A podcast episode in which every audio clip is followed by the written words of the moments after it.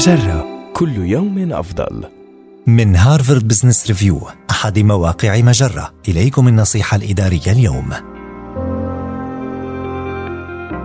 تميز في عرضك التقديمي التالي ما الذي يتميز به أفضل المتحدثين؟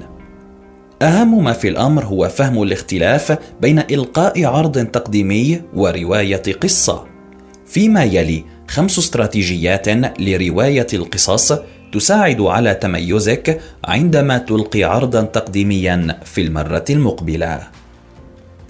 احرص على صياغة رواية.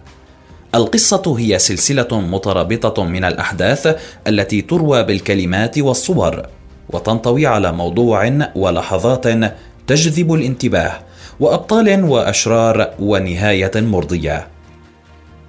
احرص على دعم النص بالصور توصل الباحثون إلى أن جمهورك سيتذكر 65% من المحتوى إذا سمع المعلومات وشاهد صورا تدعمها.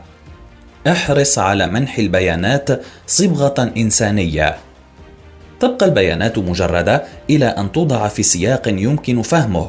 وكي تساعد جمهورك على تذكر أرقام الإحصائيات التي تحدثهم عنها، أضف إليها وجوها إنسانية. فاجئ جمهورك. العقل البشري ينتبه إلى الجديد.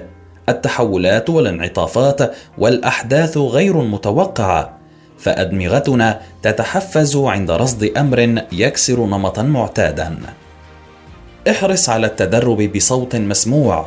تدرب على إلقائك الصوتي وحدد مواضع الوقفات بدقة وغير وتيرة كلامك. هذه النصيحة من مقال كيف تصبح متحدثا بارعا بالاعتماد على السرد القصصي النصيحة الإدارية تأتيكم من Harvard Business Review أحد مواقع مجرة مصدرك الأول لأفضل محتوى عربي على الإنترنت مجرة كل يوم أفضل.